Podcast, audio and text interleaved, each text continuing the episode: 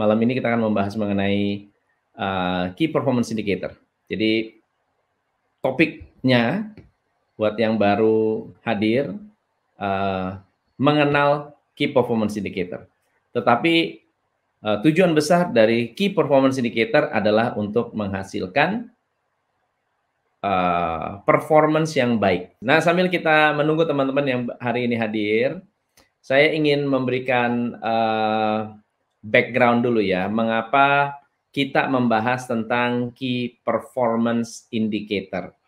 Bapak Ibu, untuk mengembangkan bisnis, kita perlu uh, lebih efisien, bukan hanya efektif, tapi juga efisien.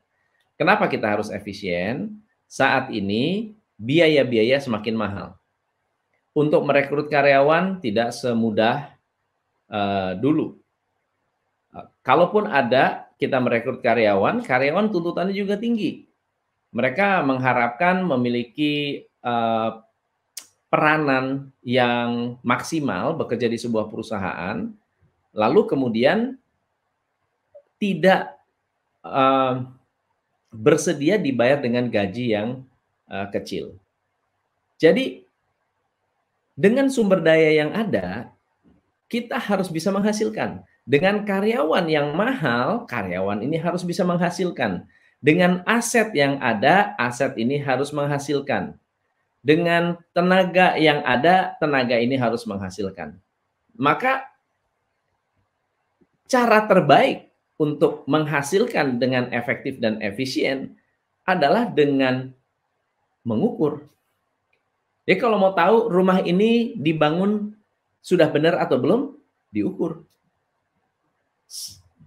Kalau Anda fotografer, ya, lighting diukur untuk mengetahui uh, panas dinginnya. Kalau Anda adalah seorang pemusik, musik itu diukur. Ada iramanya, ada ritmenya. Demikian juga dengan bisnis kalau bisnis Anda mau bagus, kalau bisnis Anda mau berkembang, kita harus bisa mengukur. Nah, mengukur itu sudah ada ilmunya. Namanya adalah dengan Key Performance Indicator. Nah, saya ingin uh, share dulu apa itu KPI, apa itu Performance uh, Indicator. Jadi, Performance Indicator ini adalah bagian dari scientific management. Kalau saya cerita sejarah sedikit, jadi manajemen itu berevolusi ya. Sejak tahun 1776 dulu di manufaktur itu um, orang bekerja spesialisasi. Kalau Anda adalah orang yang spesialisasi di satu mesin, ya mesin dia itu yang dia kerjakan terus-menerus. Ya, ini teorinya teorinya Adam Smith, teman-teman. Lalu kemudian tahun 1799 muncullah ada yang namanya uh, kekurangan orang. Kita nggak bisa nih nambahin orang terus. Kalau saya punya 10 part, 10 orang, wah susah. Gimana caranya supaya saya bisa membantu atau membuat orang memiliki skill untuk bongkar pasang, reparasi. Maka muncullah uh, interchangeable parts yang kemudian dikembangkan oleh Eli Whitney. Jadi pada masa itu yang Eli Whitney adalah seorang uh, pengusaha yang menjual senapan. Dan pada masa itu perang saudara di Amerika, mereka membutuhkan hasil uh, produksi senapan yang cepat, maka mereka melakukan yang namanya interchangeable parts. Tapi di tahun-tahun itu, di tahun 1800-an, muncul yang namanya uh, cost accounting. Cost accounting. Jadi mulai ada administrasi. Nah, mulai berkembang di tahun 1800 1900 kita mengenal dengan classical management. Ya, classical management adalah uh, teori scientific management yang dikembangkan oleh Frederick Taylor dan juga uh, administratif management. Jadi orang bekerja itu harus ada adminnya, harus diatur, bukan sekedar saya masuk seenak saya, keluar seenak saya, uh, uh, bekerja semaunya saya, itu nggak bisa diatur oleh administrasi. Berkembang lagi menjadi behavioral uh, system atau menggunakan teorinya bukan klasikal lagi tetapi uh, teori perilaku di mana orang-orang itu diatur atau dikenali perilakunya. Maka muncullah teori X, teori Y, kemudian ada MBTI, ada uh, DISC, itu untuk mengenal perilaku, untuk bisa membuat orang itu bekerja, berkembang, uh, dan perilakunya itu dikenali supaya bisa ditempatkan di tempat yang tepat. Tetapi kemudian berkembanglah istilah system approach. System approach di mana kita itu bisa berkembang jika semua tersistemasi. Ya, muncullah Lean, Six Sigma, eh, TQM dan lain-lain sebagainya. Nah, hari ini fokus kita adalah mengenal performance indicator untuk mengembangkan bisnis. Jadi tujuan besarnya adalah mengembangkan bisnis dengan mengelola secara efektif. Oke. Di tahun 90-an ada satu badan riset namanya Nolan Norton Institute. Nolan Norton Institute dan ini adalah salah satu dari kantor akuntan publik KPMG di Amerika yang dipimpin oleh David Norton. Nah, mereka mendesain atau me merancang sebuah scorecard yang bisa mengukur performance, namanya balance scorecard. Nah, balance scorecard ditulis di tahun 1992 di Harvard Business Review dan booming dan memang sangat-sangat aplikatif. Balance scorecard itu ada empat perspektif, financial perspektif, uh, customers perspektif, internal business process perspektif, dan learn and growth perspektif. Ya, tetapi apa hubungannya dengan uh, key performance indicator? Jadi kalau kita membangun bisnis, bisnis itu punya tujuan. Tujuan besarnya biasanya berkaitan dengan keuangan, ya Pak ya. Tetapi kalau misalnya saya hanya ngejar profit saja, profit itu hanya hasil. Profit itu hanya ujung. Kalau berhasil, kita happy. Tapi kalau nggak berhasil, kita bingung. Kenapa ya kalau nggak berhasil? Maka kita perlu indikator yang menandai informasi-informasi berhubungan dengan progres. Jadi KPI ini tujuannya adalah untuk tahu nih, saya ini sekarang udah nyampe mana? Kita kecepatannya sudah tepat atau belum? Kita ini larinya udah udah oke okay atau belum? Jadi ada beberapa manfaat uh, eh, KPI. Kalau Anda mau catat boleh ya. Manfaatnya nomor satu adalah key performance indicator digunakan untuk alat detak jantung Anda. Untuk mengetahui detak jantung dan Anda sedang ber, berdetaknya bagus atau tidak. Jadi detak jantung operasional diukur atau bahkan dipantau lewat KPI. Yang kedua, KPI membantu Anda untuk bisa lebih cerdas dalam merencanakan bisnis. Yang ketiga, KPI memberikan Anda indikator pencapaian. Yang keempat, key performance indicator Anda berhubungan dengan scale atau growth dari bisnis Anda. Yang kelima, KPI akan membantu Anda mencapai target dengan lebih terarah. Dan yang terakhir, KPI ini uh, adalah bagian dari perencanaan strategis, teman-teman. Nah, bermanfaat nggak teman-teman? Anda punya key performance indicator. Bermanfaat? Saya yes. Yang merasa bermanfaat saya yes, yes, yes, yes. Wah, dahsyat, dahsyat. Mantap ya, bermanfaat ya. Jadi kalau Anda punya indikator ini akan sangat-sangat sangat-sangat enak ya, sangat-sangat bermanfaat. Nah, ada lima kesalahan ketika Anda membuat key performance indicator. Ada lima kesalahan yang umum yang saya lihat. Yang kedua, yang pertama, membuat KPI untuk menilai kinerja karyawan. Salah nggak? Tidak salah. Tapi kalau itu adalah satu-satunya alasan Anda membuat KPI, jadi salah salah kaprah Bapak Ibu. Tujuan KPI bukan menilai karyawan, tapi menilai bisnis Anda efeknya atau performance karyawannya adalah efek sampingnya. Karena ada KPI, Anda bisa mengukur karyawan. Paham ya teman-teman ya? Paham ya? Tapi tujuan KPI bukan mengukur karyawan. Tujuan Anda ngegas ya adalah supaya cepat sampai tujuan. Tapi bukan untuk mengukur apakah gas Anda uh, bagus atau jelek. Paham ya? Betul ya? Jadi Anda punya mobil nih, Anda ngegas. Tujuannya apa? Supaya cepat cepat nyampe. Tapi bukan untuk mengukur apakah Anda hebat atau enggak ngegasnya, kan gitu ya. Jadi KPI digunakan untuk menilai apakah Anda benar-benar sudah sesuai dengan tujuan bisnis Anda atau belum. Tapi sementara di luar sana membuat KPI untuk nilai, Pak anak buah saya kerjanya gimana nih? ya boleh dipertahankan nggak? Apa harus dipecat nggak? Boleh nggak kita keluarin nih? Ada KPI. Jadi KPI dipakai tuh buat senjata. Akhirnya karyawan tidak mau mengisi KPI. Karyawan merasa KPI adalah musuh besar saya. Kalau saya isi jujur, saya dipecat.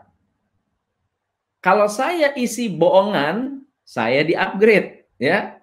Tapi kalau misalnya saya tidak mengisi, tidak ada data, tidak ada informasi, udah biarin aja.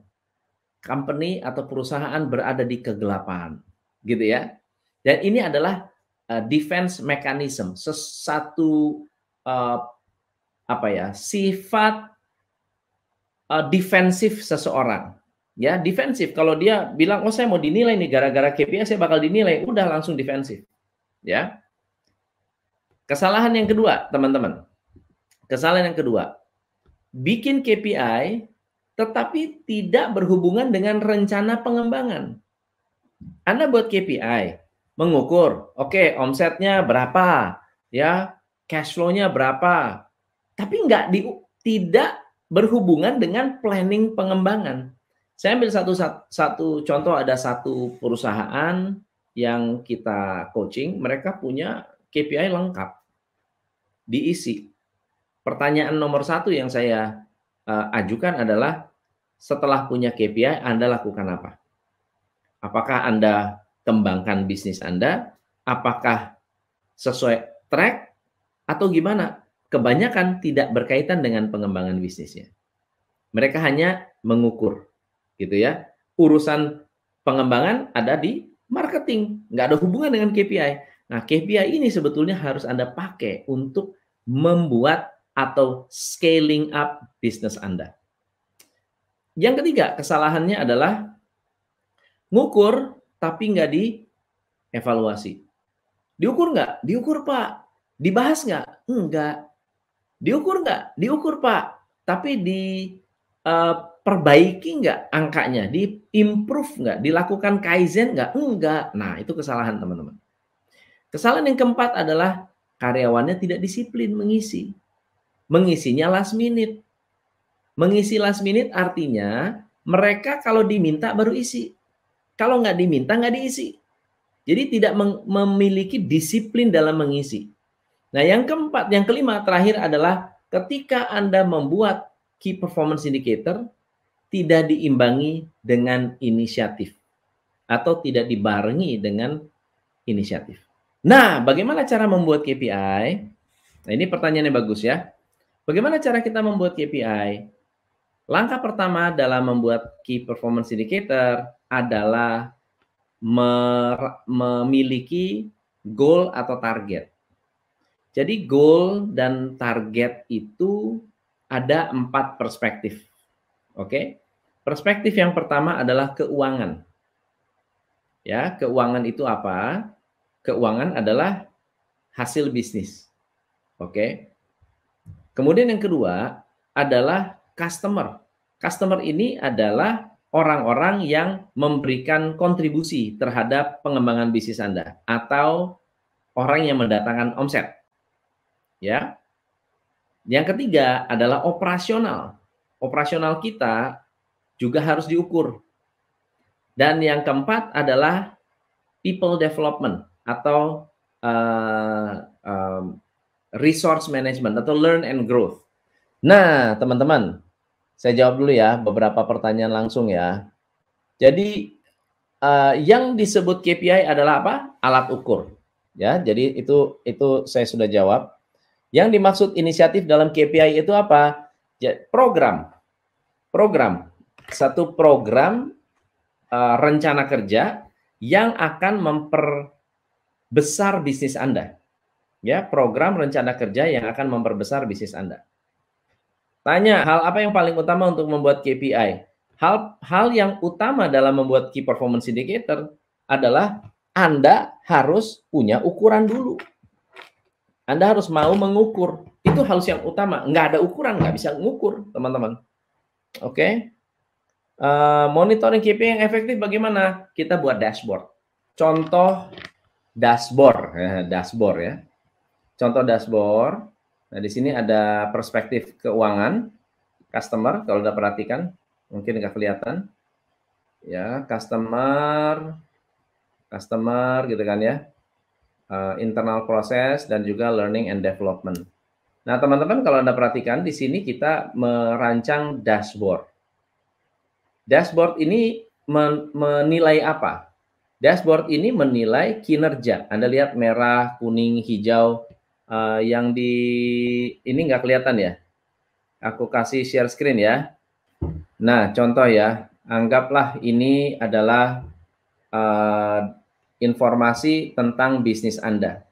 Jadi di informasi ini tadi kita bicara soal uh, nama KPI-nya apa, deskripsinya apa, nggak kelihatan ya cara mengukurnya bagaimana, pemiliknya siapa, frekuensi, bobot, dan seterusnya. Tapi tujuan besarnya adalah kita ingin menilai kinerja. Ah ini kinerja. Walaupun di sini ada ada ada orang ya, ada ada jabatan, tapi bukan berarti kita menilai mereka. Jadi dengan uh, adanya KPI saya bisa menilai kinerja dari manajemen begitu naik, turun, berkembang atau tidak.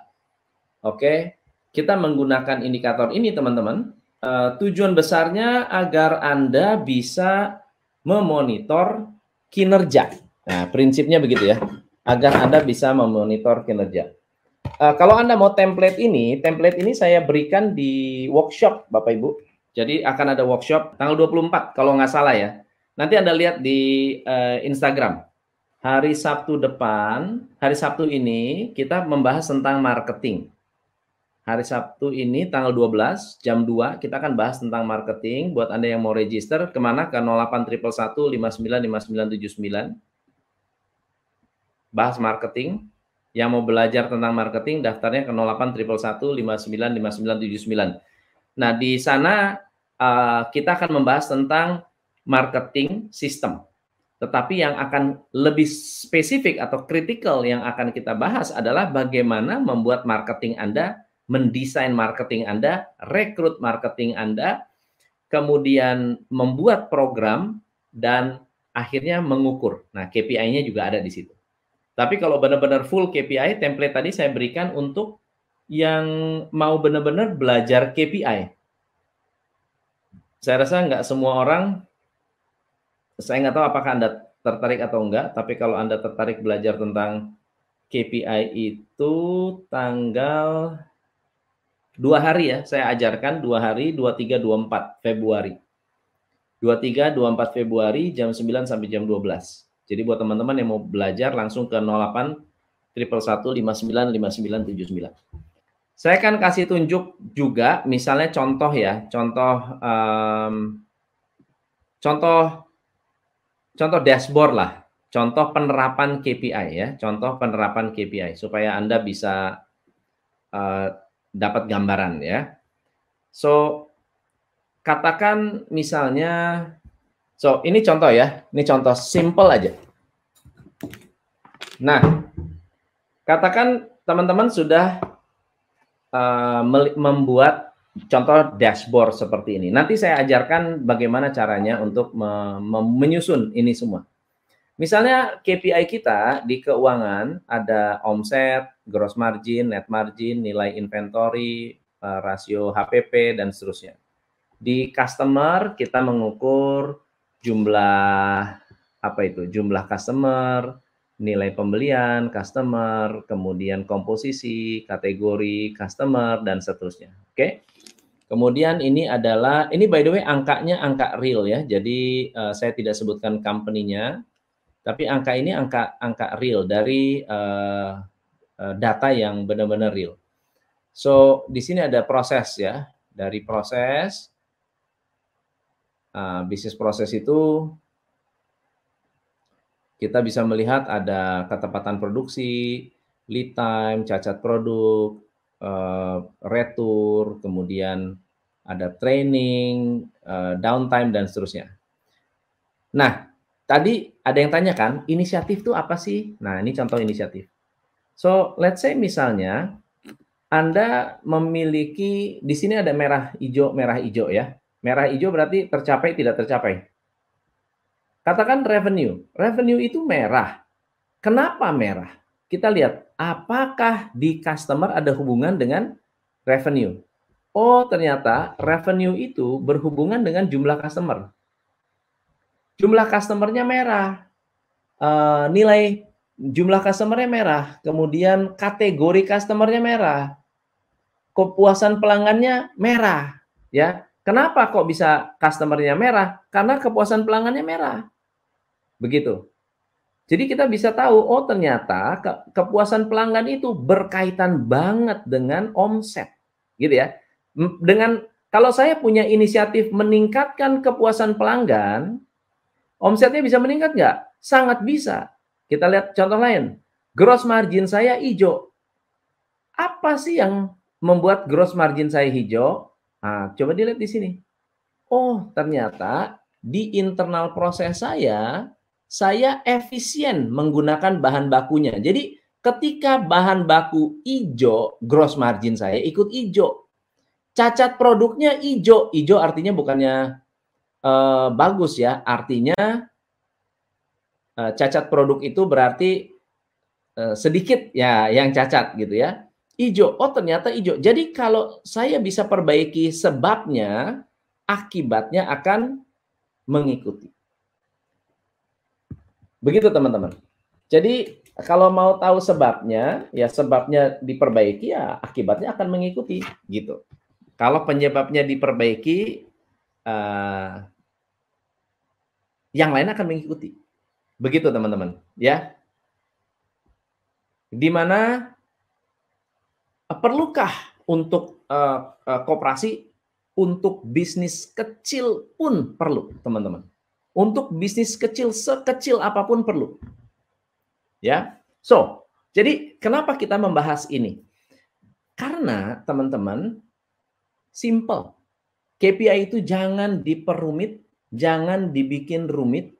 Memang membutuhkan skill untuk membuat KPI. Memang butuh ngerti. Nah, kalau teman-teman, oh gitu tuh, kelihatan, oh caranya begitu, enak ah saya jalaninnya, akan lebih enak, teman-teman.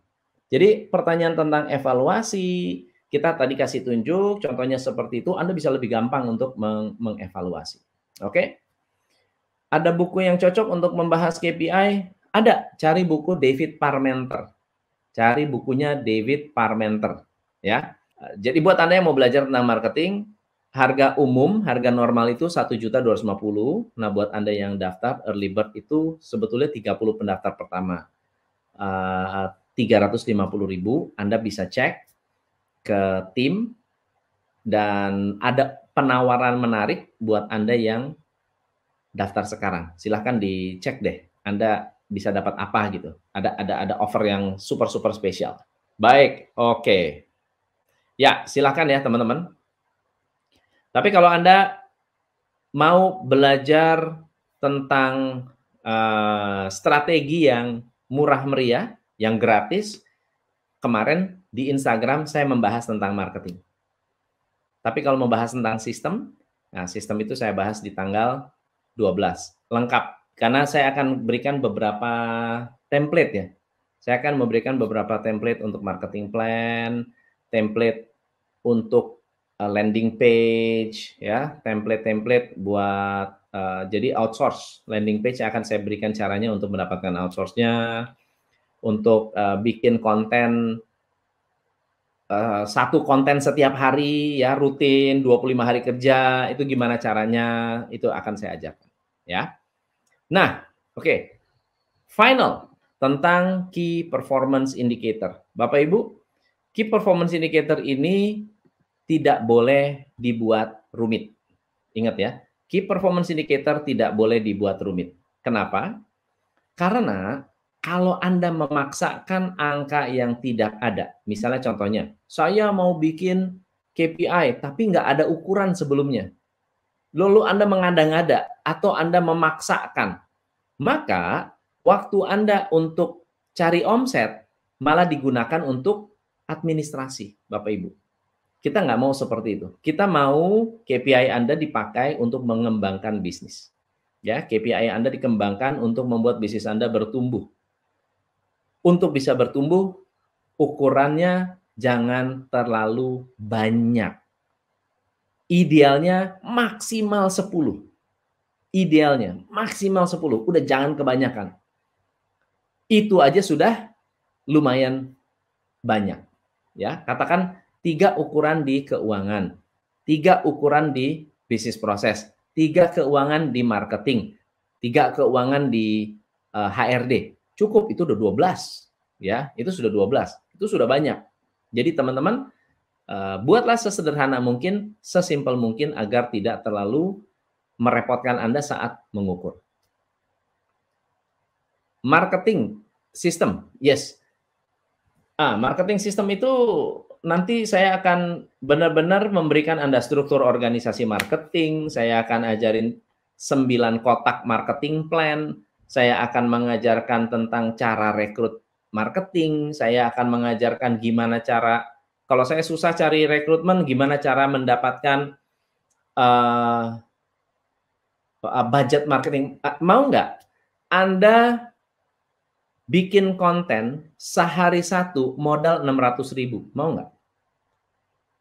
Modal 600 ribu, Anda akan dapat satu konten setiap hari sudah didesain dalam bentuk uh, uh, desain post Instagram. Mau nggak? Modal cuma 600 ribu. Itu akan saya ajarin, teman-teman. Saya akan mengajarkan Anda bagaimana cara riset hashtag.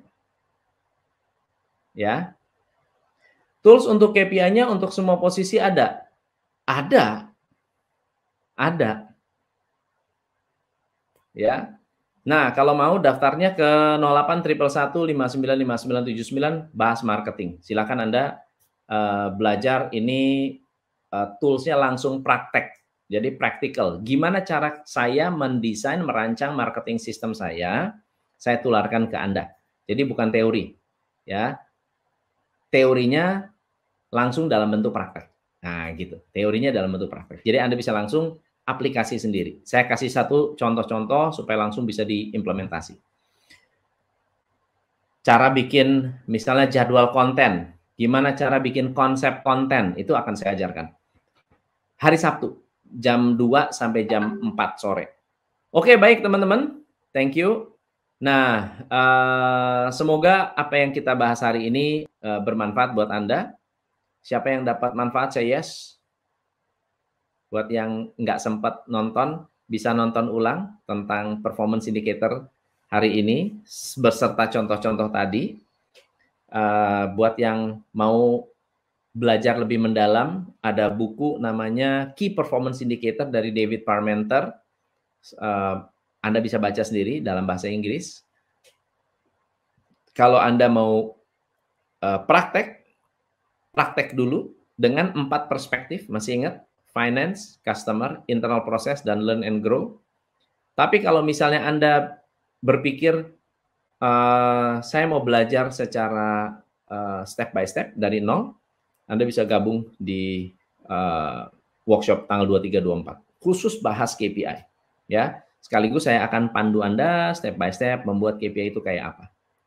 Oke, okay, guys, good job. Thank you so much buat sesi malam ini. Sampai ketemu next time. Saya Tom MC Ifle, salam pencerahan buat Anda yang ada di YouTube dan di Facebook. Good job. Bye-bye.